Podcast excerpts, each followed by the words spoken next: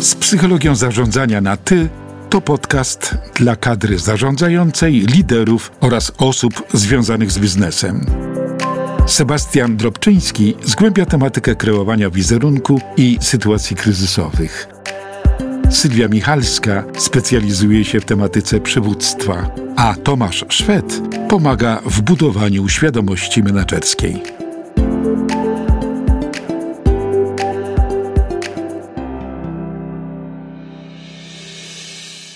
Dzień dobry. Zapraszam Was do podcastu e, o tematyce bardzo kontrowersyjnej e, manipulacja i wywieranie wpływu. I mam dwóch e, specjalistów w dziedzinie manipulacji, wywierania wpływu. W dziedzinie manipulacji jest jeden specjalista. Tomasz Szwed, Sebastian Drobczyński i Sylwia Michalska. Dzisiaj chyba będę się przysłuchiwać Wam albo szukać jakiegoś mianownika, gdzie to wszystko można połączyć. Czy ja będę zacz- od łączenia zacznę- kropek. Tak, jakby zacznę od, zacznę od tego, że dla tych Państwa, którzy mnie nie znają i Sebastiana, to tym specjalistą w dziedzinie manipulacji nie jestem ja, tylko mój kolega, który siedzi tutaj obok No mnie. to już była manipulacja na dzień dobry, czy, czy y, y, prowokacja bardziej bym to nazwała. Słuchajcie, y, y, wychodzimy od y, pojęć, czy może od przedstawienia y, technik wywierania wpływu. Jak to potraktujemy ten temat? Tomasz, y, zacznij, proszę. Ja bym chciał em, usłyszeć, bo jak oczywiście jakby swoje em, wyobrażenie, definicje, jakby przekonanie o tych pojęciach mam, ale chciałbym usłyszeć, Sebastian, od ciebie, czym się różni manipulowanie od wywierania wpływu. Dzień dobry Państwu.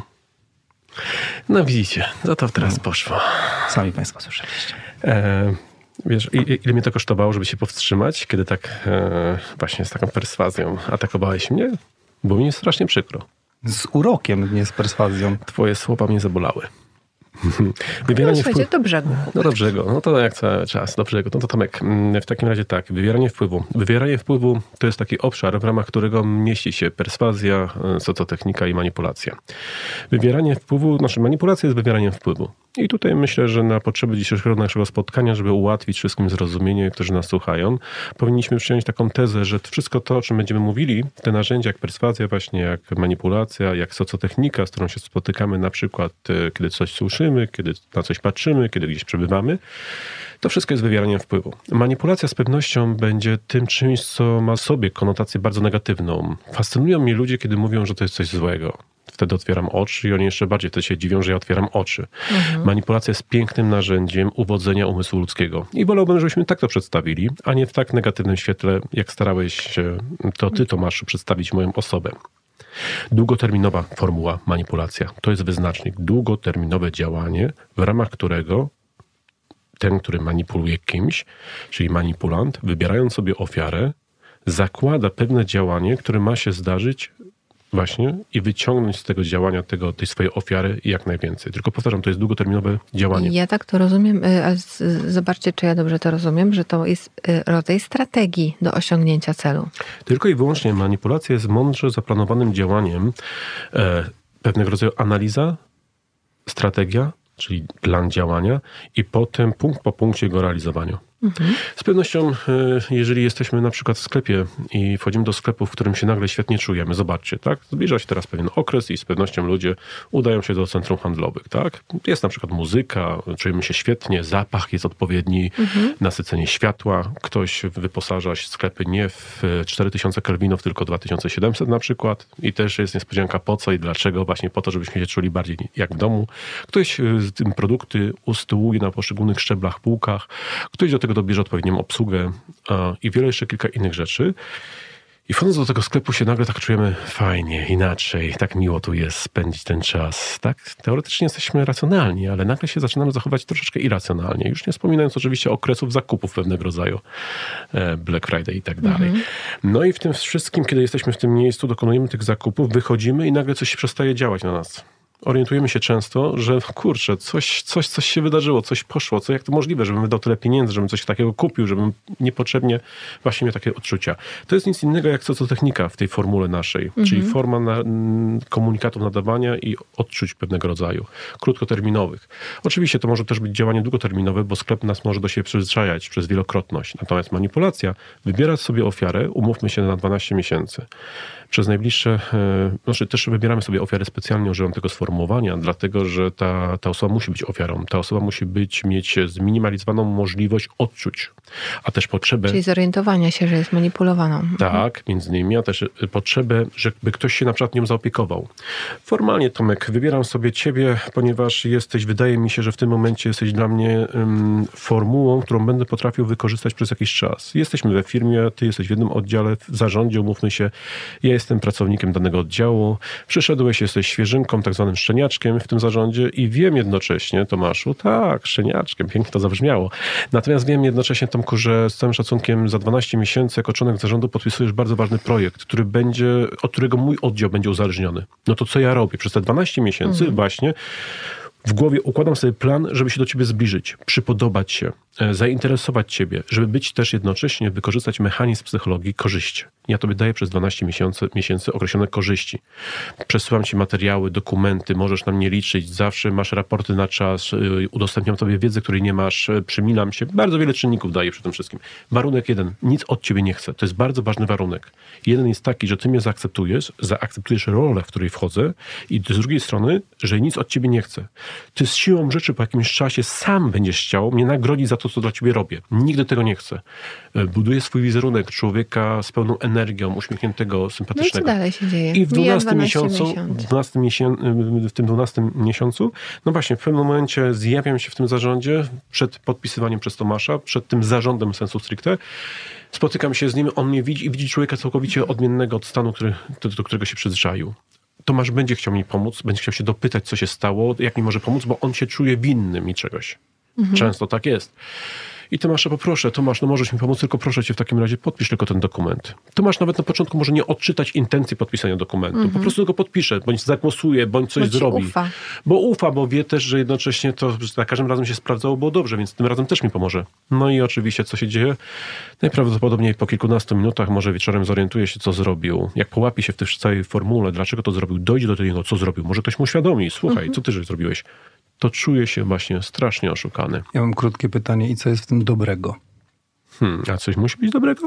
Nie wspomniałeś, że manipulacja jest oceniana negatywnie, natomiast mówisz, dlaczego tak jest, że jest negatywnie? Przecież może być pozytywnie. Może być. I już I ci teraz mówię, pytanie jest moje, by- dlaczego jest pozytywnie? Jest, gdzie, gdzie, gdzie znajdziesz Gdzie tu wartość? Gdzie, gdzie tu jest Mhm. wartość, jeśli zapisałeś słowa sobie. tworzą rzeczywistość? I teraz jeśli ty mówisz tak, musimy znaleźć sobie jakąś ofiarę.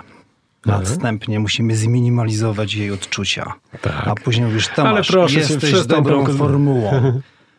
Kurczę, gdzie masz pozyty, pozytyw? Powiedz mi, gdzie masz Realizuję wartość? swoje Gdzie, co? zadania. E, Osiągam sukces. Kosztem drugiego człowieka. To jest, kurczę, To jest pozytyw. istota ale manipulacji. Zaraz, ale zaraz. Oczywiście. I tutaj dochodzimy do To tej fajnej wytłumaczenia, wytłumaczenia tak. tego, czym jest manipulacja. Ona jest na niekorzyść drugiego człowieka. To prawda. Natomiast, gdzie jest korzyść, już Tomasz teraz bardzo dochodzi, wyłączam mu mikrofon tylko i wyłącznie, ale gdzie są korzyści możliwe? Wiesz o tym, e, że mm, z mojej perspektywy Moje narzędzia... pytanie nie brzmiało, gdzie są korzyści, bo ja wiem, gdzie są korzyści. Korzyści są po stronie manipulującego. Moje Jasne. pytanie brzmiało, powiedz mi argument na to, że ten proces jest pozytywny. Manipulant osiąga sukces. Nie jest pozytywny manipulanta. Jak komuś dasz w łeb Ale jesteś brutalny. Em, nie, Jesteś brutalny. ale Sebastian, Tomasz, no jesteś błagam, brutalny. Nie, no błagam, słuchaj, kto, poprosisz kogoś, żeby ktoś ci, nie wiem, podał długopis. On mówi, nie podam ci długopisu. A ty mówisz, słuchaj, jak nie podasz mi, to dostaniesz w, w dziób. Tak? I dajesz mu w dziób. On ci podaje długopis. No kurczę, same pozytywy. Same pozytywy Spłaszczasz, uzyskałem. Spłaszczasz to, spłaszczasz to. Natomiast całkiem poważnie, oczywiście manipulacja to tym się wyróżnia i tym różni się od innych narzędzi, że niesie za sobą konsekwencje negatywne. Natomiast jeżeli spojrzysz na manipulację z perspektywy pracownika, kiedy firmy manipulują umysłami pracownika, to zaraz powiesz, że to są, jest z korzyścią dla niego. Dlatego, że narzędzia z perspektywy zarządzania zasobami ludzkimi, od procesu rekrutacji, selekcji, ścieżki kariery, formaty, jest utrzymanie pracownika w ryzach danego obszaru. Ja bym tu powiedziała tak, stop. A teraz y, mamy, y, jak Państwo słyszycie, dwa totalnie odmienne podejścia do interpretacji i wartościowania, co przynosi y, i gdzie jest wartość w, manip- w manipulowaniu drugim człowiekiem. Zostawmy to w nawiasie. Ja bym, słuchajcie, zaprosiła Was do takiej dyskusji, y, bo, bo Wasza dyskusja nie ma końca. Ona, ona jest konfliktem wartości. I y, słuchający nas y, mogą y, i odnaleźć się Tomek, i w słyszysz, jak nas ustawię? Mogą się odnaleźć i w tym, co mówi Tomasz, jak i identyfikować się z tym, co mówisz ty, Sebastian. I nie nam to oceniać. Zostawiamy. Natomiast y, y, za, zaprosiłabym Was do takiej mm, dyskusji, y, jak można zastosować opracowane przez Cialdiniego reguły wywierania wpływu w odniesieniu do biznesu. Nie, tych reguł jest, Tomasz przypomni ile? W zależności od nazewnictwa, to, to może być ich albo 6, albo może i być i 16, tak? Bo tam jeszcze jakby do, do, dodamy tak, do tego skupimy się na tych drzwiach, drzwi głównych przed nosem i sześciu, tak dalej. y, na głównych sześciu y, Okej. z, z przykładami, e, po to, żeby też z jednej strony cały czas nam towarzyszyła ta, ten taki nierozwiązywalny dylemat, gdzie jest ta granica, której nie ma moim zdaniem, gdzie się kończy wywieranie wpływu, a zaczyna się manipulacja. Więc zasada numer jeden, to zasada y, lubienia. Przykład, Sebastian, twój, y, kiedy budujesz strategię, y, żeby Tomek ciebie polubił na tym przykładzie, mm, no to, to jest, wydawałoby się, zasada lubienia, ale w technikach wywierania wpływu nie do końca o to chodzi, Tomasz. O co chodzi w, tym, w tej zasadzie lubienia? Na czym ona polega? E, Ludzie lubią tych, którzy ich lubią. Um, lepiej się czujemy, jesteśmy bardziej podatni na prośbę, które otrzymujemy od osoby, którą lubimy i które wiemy, że nas, że nas lubi. To jest zupełnie naturalna, naturalna rzecz. I oczywiście w manipulacji można jakby świadomie, sztucznie wytwarzać to, żeby ktoś mnie polubił. Natomiast zdecydowanie wierzę w ludzi, że są w stanie jakby mm, wyczuć sztuczność, nienaturalność, nieautentyczność. Dlatego ja jestem zwolennikiem tego, e, żeby jakby tworzyć w organizacjach jakby taką e, atmosferę, kulturę organizacyjną, klimat organizacyjny, żeby faktycznie ludzie byli tak dobrani, żeby mieli podobne hierarchie wartości, nawet podobne przekonania, chociaż oczywiście jakby cały czas dbając o tym, że w różnicy jest potencjał i żeby ta zasada sympatii była czymś, co dzieje się w sposób absolutnie naturalny. A za co ludzie, słuchajcie, lubią innych ludzi? Jakkolwiek to nie zabrzmi, za korzyści. Idę w tym kierunku w takim razie, żeby była barwność pewnego rodzaju naszego dzisiejszego podcastu i żeby nas wyróżniono. E, Tomasz, kwestia, którą powiedziałeś, doboru ludzi, to pewnego rodzaju na zasadzie właśnie e, wartości, podobieństw, to jest fajna idea. Jasne, ja się z nią zgadzam. Myślę, że obydwoje się potem podpiszemy. Tylko czy w jakim stopniu możemy to zrealizować? To by było się fajnie zastanowić. Nie? Czy jesteśmy w stanie, albo co możemy zrobić, żeby tą, tą, tą formę uzyskać yy, w większości firm? Bo są firmy, które na tej bazie funkcjonują i one sobie świetnie radzą. To prawda i one są skuteczne. Przecież nikt z nas nie powiedział, że manipulacja jest jedynym wyjątkowym, najlepszym, czymkolwiek innym narzędziem. My mówimy tylko o narzędziach, tylko i wyłącznie w takiej kategorii. Natomiast jeżeli może czegoś nie osiągniemy, to może posiłkujmy się psychologią, z działaniami z psychologii i wyjdźmy w kierunku, skoro jest wygląd, jest atrakcyjność fizyczna, bo ona też sprzyja na przykład lubieniu, to też dajmy korzyści.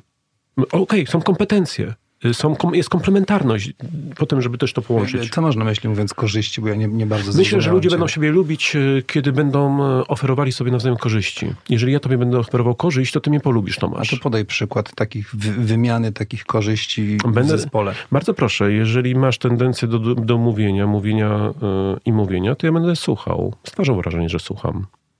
Mnie polubisz. Dlatego, że wszyscy wokół nas już mają dosyć ciebie słuchania, a ja będę tym jedynym, który po prostu będzie dawał tobie korzyść przy mnie. Będę ciebie słuchał. Oczywiście zaprojektowałem to słuchanie. Nie chciałbym słuchać, ale wiem, że dzięki temu osiągniemy wspólne porozumienie. Zaprojektowałem, tak, korzyść. To jest taka korzyść, albo bycia przy tobie, albo inaczej. Tomasz, to ja będę mówił, a ty będziesz milczał, bo masz potrzebę bycia z tyłu. Tu też jest korzyść. Korzyścią inną może być to, że może będę podawał tobie herbatę, kawę bądź dokumenty kserował, czego ty nie lubisz, nienawidzisz.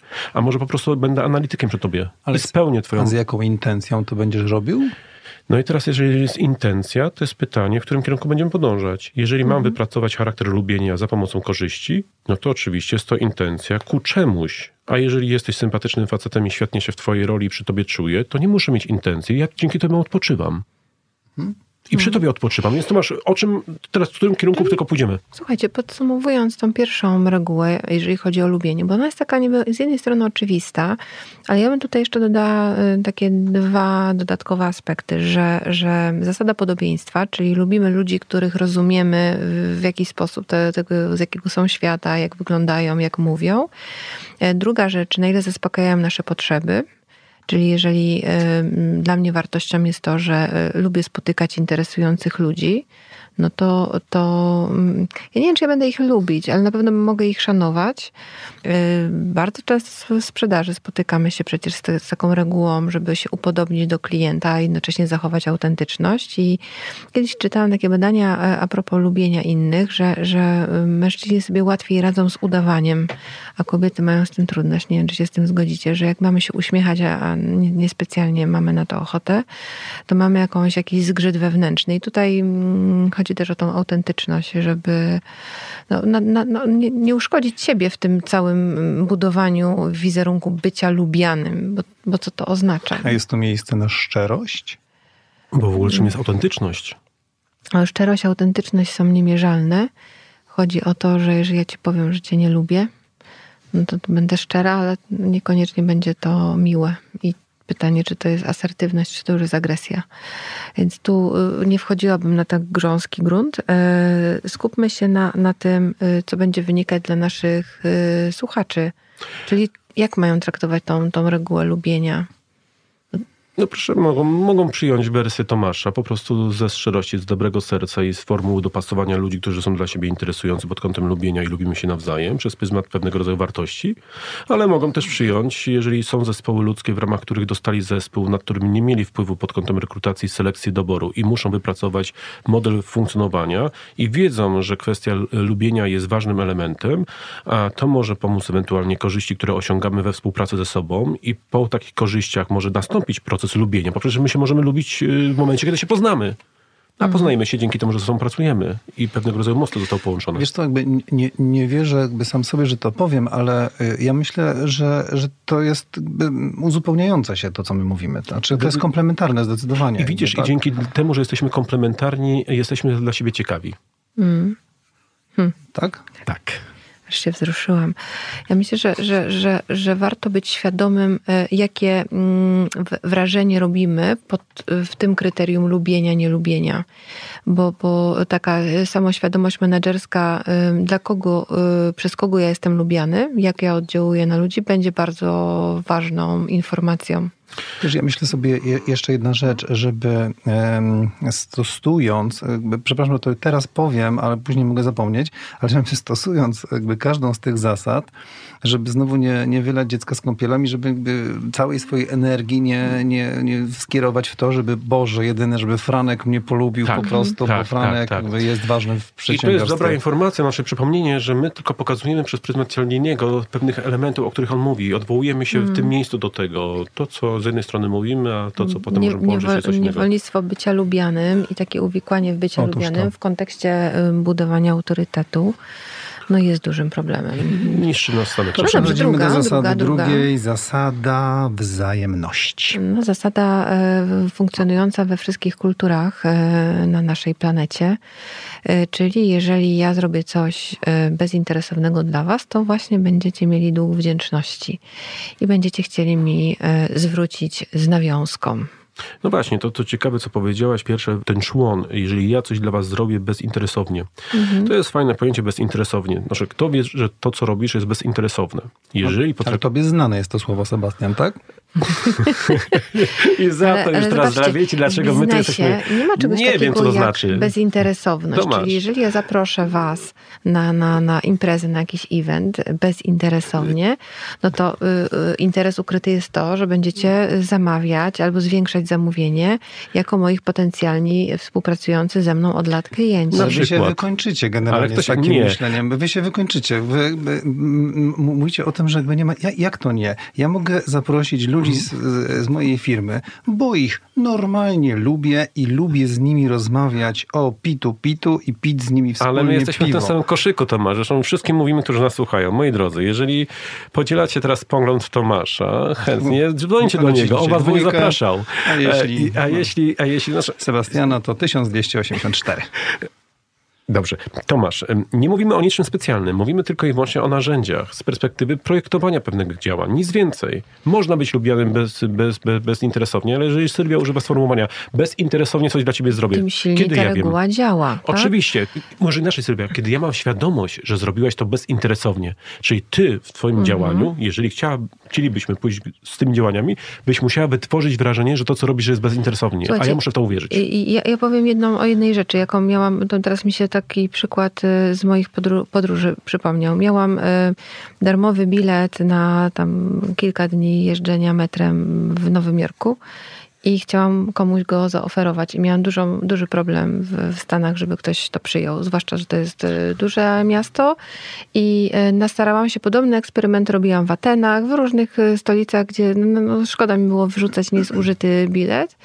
I no, z 10 osób po- potrzebowało rzeczywiście uwierzyć, że ja chcę coś dać W bezinteresownie. Stanach Zjednoczonych. W Stanach, Tak. ale też w, w Grecji, tak? W Atenach dokładnie miałam taką samą i podobno miałam, nie, mam poczucia, że to nie do końca było związane tylko i wyłącznie z krajem. My już nie chcemy słuchać, że ktoś nam coś ma do zaoferowania, bo uważamy, że tam jest drugie dno, czyli poziom zaufania, zwłaszcza w takich miejscach, wiecie, publicznych typu mm, lotnisko, y, no, gdzie nie ma zbudowanej relacji, nie stwarza y, warunków do tego, żeby regułę wzajemności wprowadzić, no bo jeżeli ja dam ci bilet, a będę czegoś chciała, a to przyjmę, to jest rodzaj zobowiązania, więc my jesteśmy nauczeni i to, to, to jest bardziej smutna część tej, tej, tej, tego mechanizmu, który nam towarzyszy jako ludziom, że wolimy nic już nie brać, przynajmniej nie mam żadnego długu wdzięczności.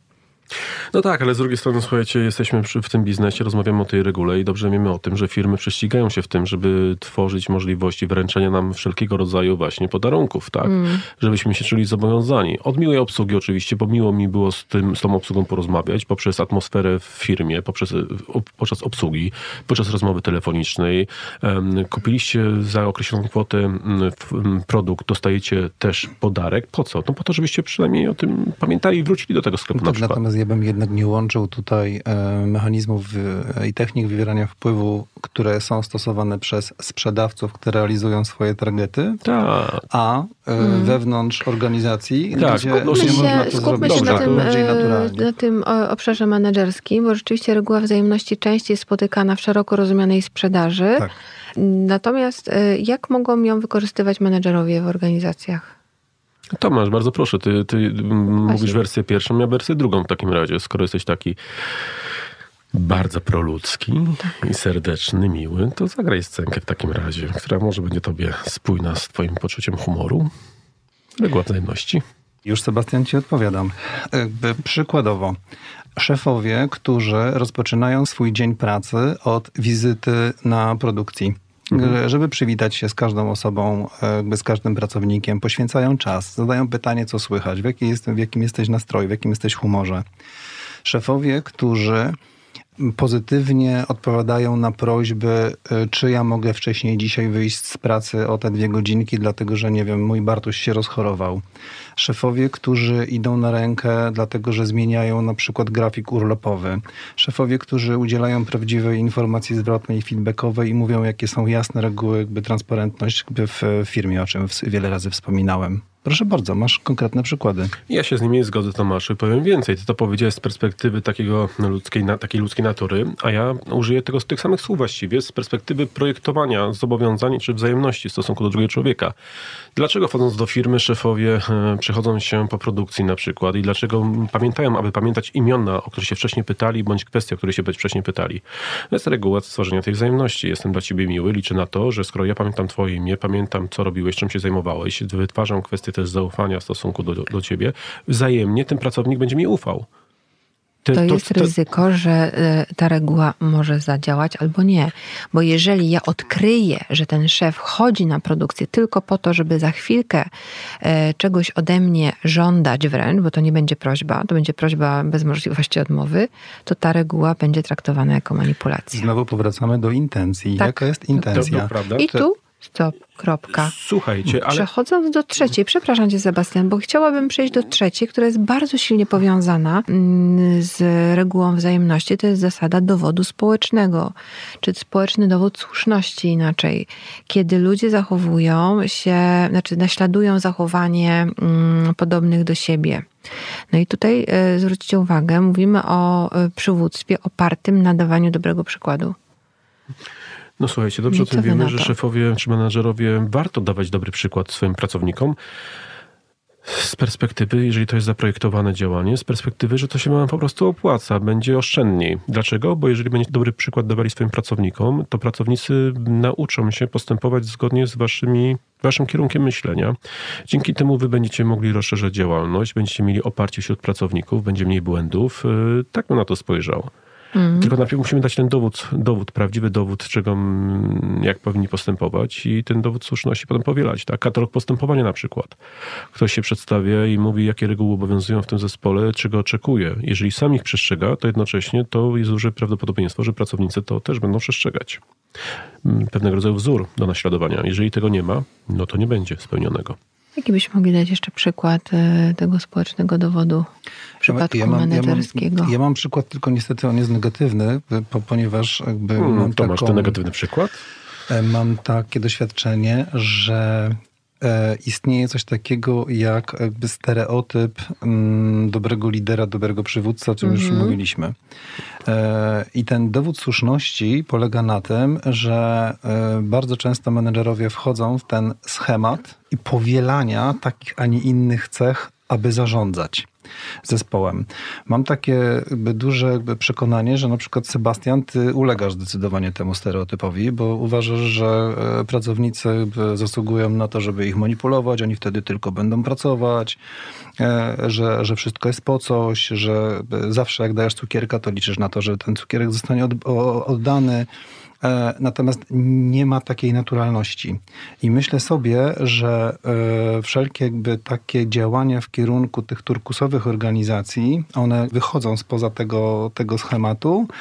Um, nie ma tam jeszcze tego, tego dowodu słuszności, dlatego mhm. też tego typu działań jest mało. Po tak pięknym wprowadzeniu i prezentacji mojej osoby mogę tobie tylko powiedzieć, że trudno się z tobą nie zgodzić. Zgadzam się zawsze z mądrymi ludźmi.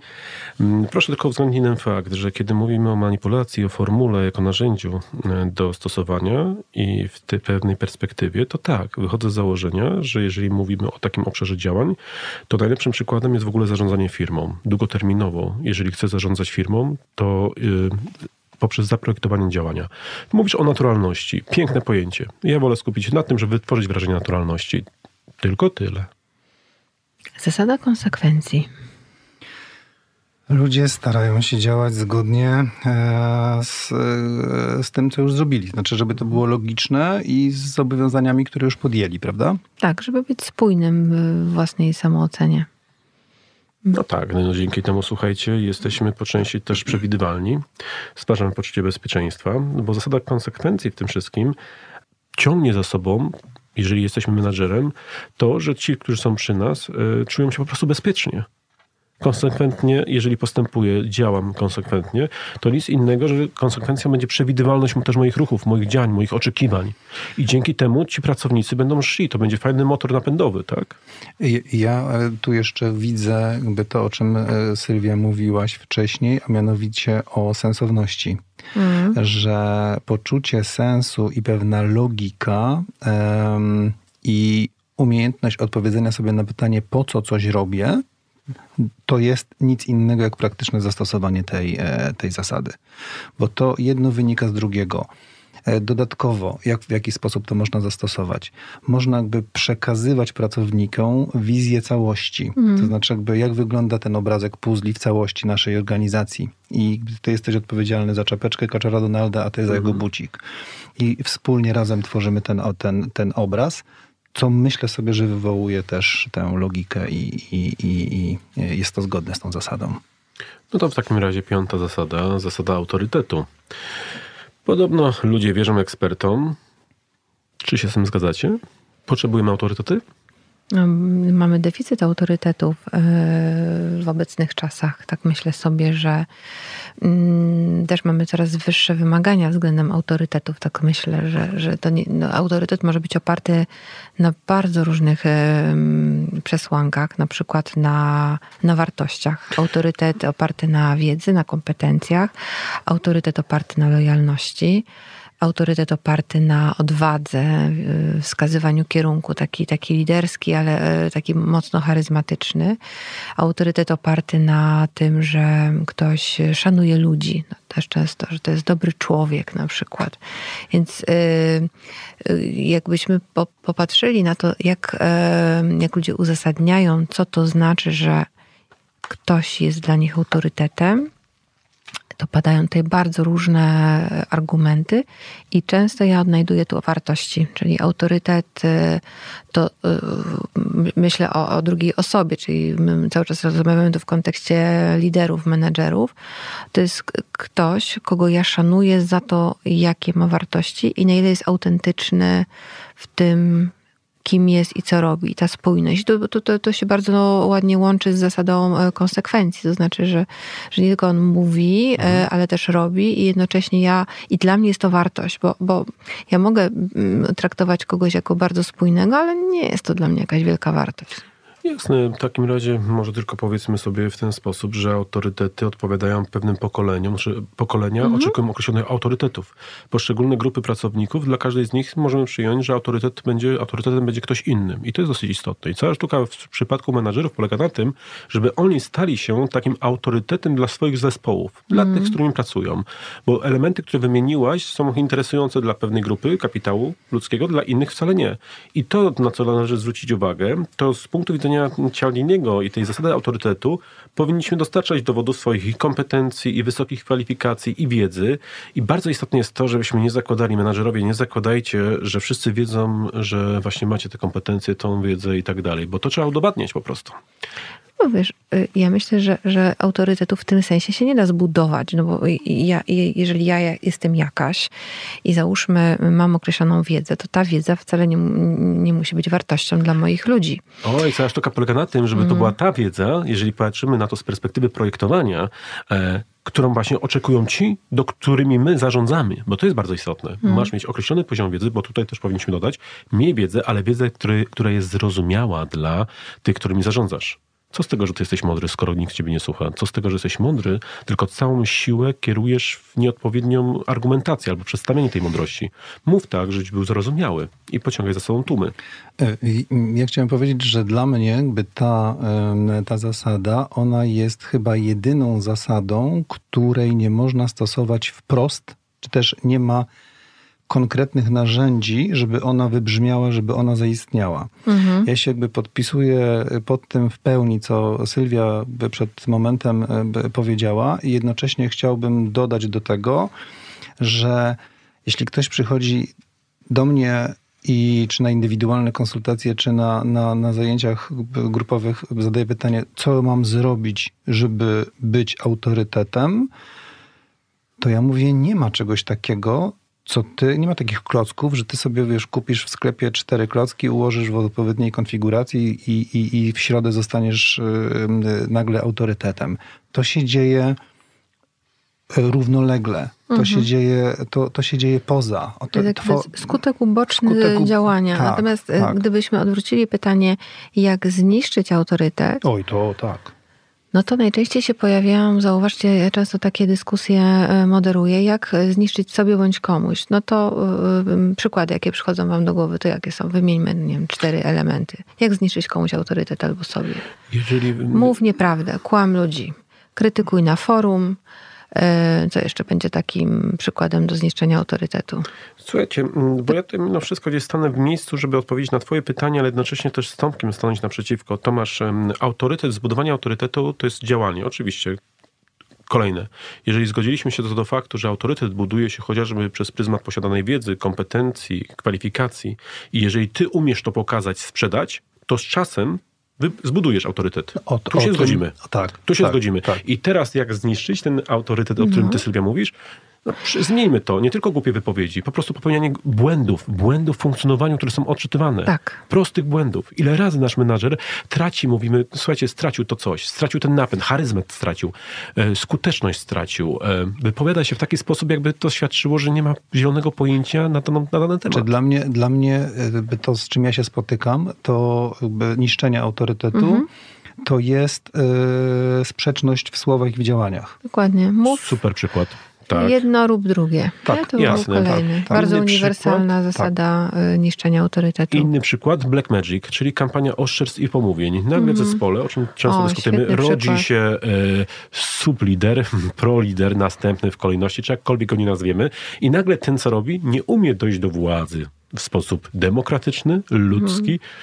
homo sapiens, tylko właśnie dochodzi przez pryzmat właśnie świadomego niszczenia wizerunku, a potem też autorytetu, co ma zaufanie na przykład no, czyli na przykład, żeby świetnie zniszczyć zaufanie, bo zauważcie, cały czas autorytet krąży wokół wartości, to jest na przykład plotkowanie ze swoimi pracownikami, oczywiście o tych innych, których nie ma w danym momencie.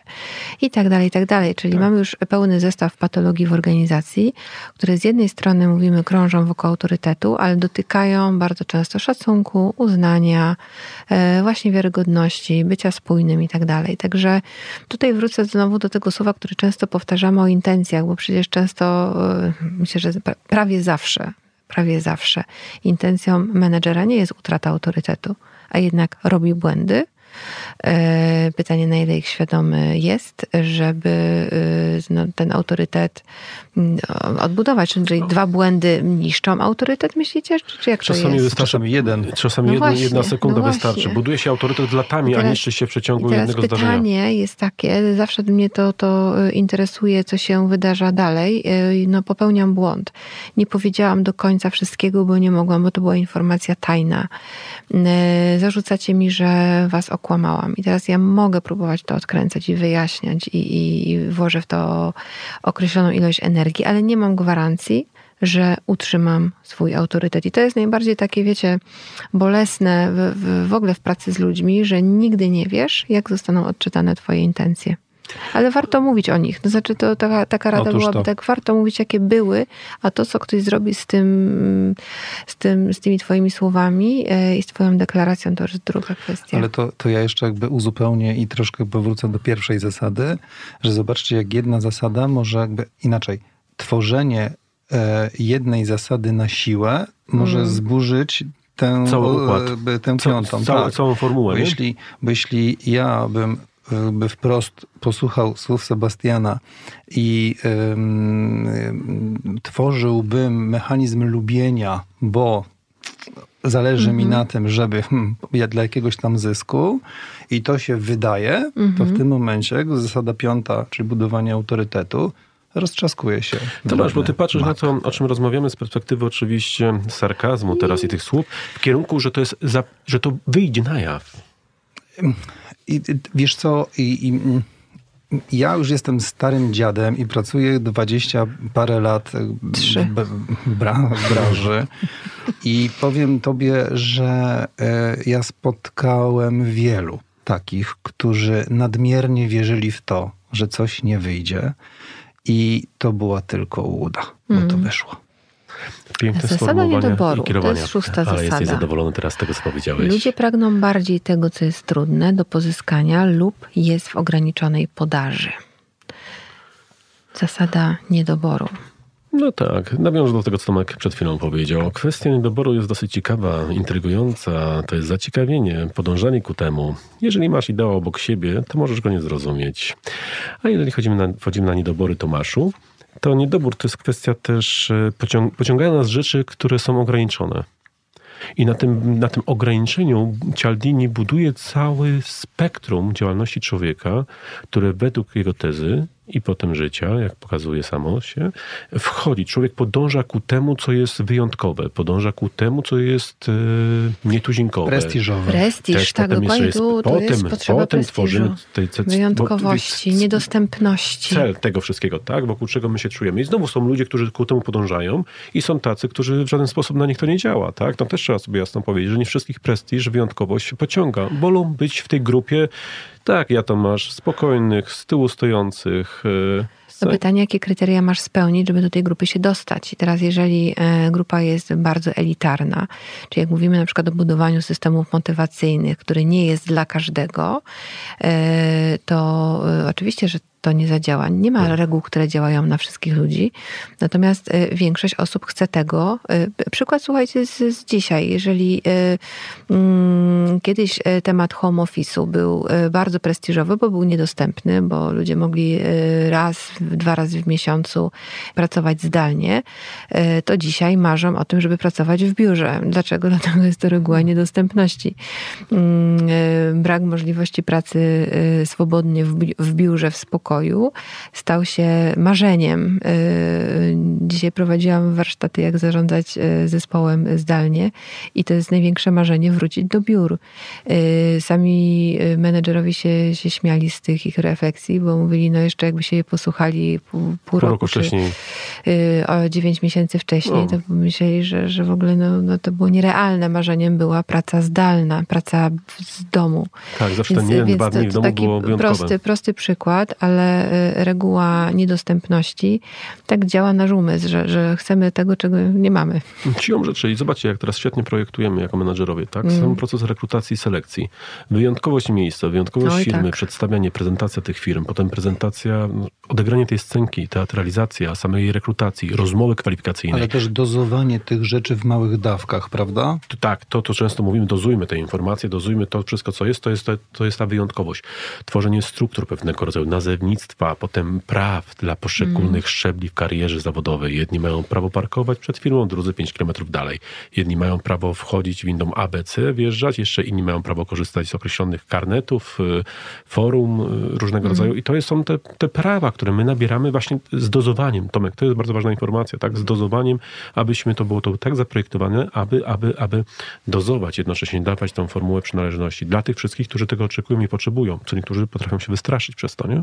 No, słuchajcie, zasada czy reguła niedostępności y, obowiązuje z dwóch powodów. Po pierwsze, dlatego, że dobra są trudno osiągalne, a druga to jest utrata swobody wyboru i działań. Chodzi mi o to, żebyście się odnieśli w, w, w ramach reguły niedostępności do takich dwóch działań. Ja Wam je y, przedstawię. Pierwsza to jest e, działanie tej reguły jest silniejsze, gdy niedostępność pojawiła się niedawno. I druga, y, działanie reguły jest silniejsze, gdy konkurujemy z innymi o dobra trudno dostępne. Czyli pojawia się element rywalizacji. Dla tych, których rywalizacja pociąga, jak najbardziej.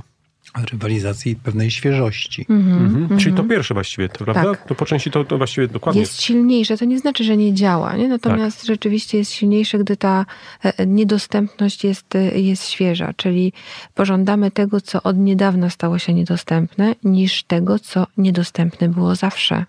Mhm. No i znowu cofamy się do tego, co, co użyłaś na początku, że tak skonstruowany jest nasz umysł i, i pociąga nas właśnie w tym kierunku. Nie? Słuchajcie, o kwestiach wywierania wpływu, o kwestiach manipulacji, o kwestiach perswazji jeszcze, socjotechniki moglibyśmy mówić jeszcze pewnie godzinami i przyjdzie nam jeszcze okazja podzielić się poszczególnymi bazowymi informacjami pod kątem chociażby budowy firmy, architektury, wykorzystania czy struktur we firmie, ścieżek kariery, też pod kątem właśnie wywierania wpływu właśnie na pracownikach.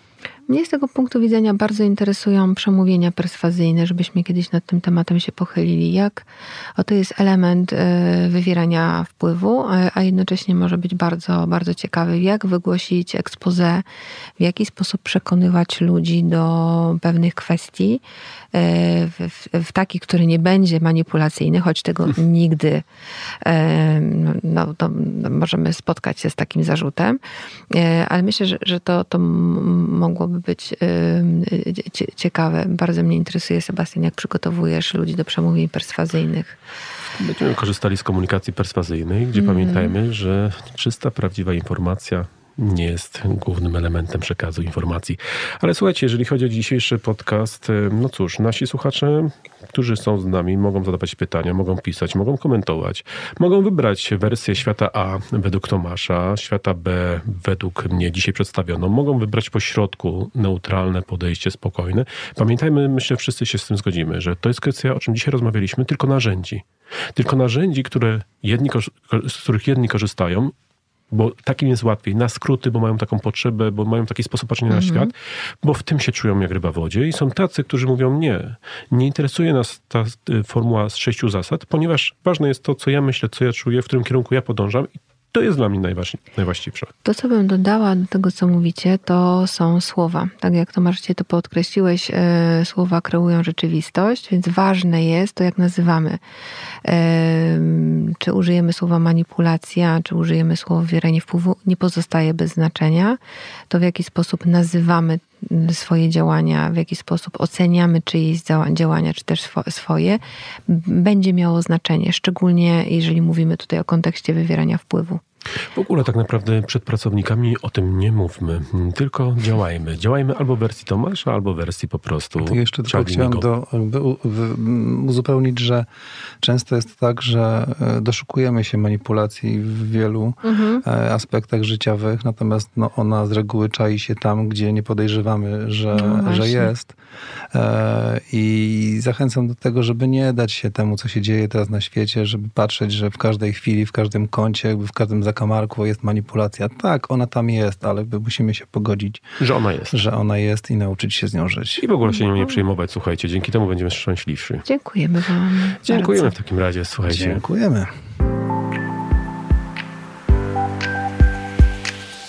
Drodzy Państwo, byłoby nam niezmiernie miło, gdybyście podzielili się z nami swoimi spostrzeżeniami i napisali do nas pod adres z psychologią zarządzania na ty małpa gmail.com.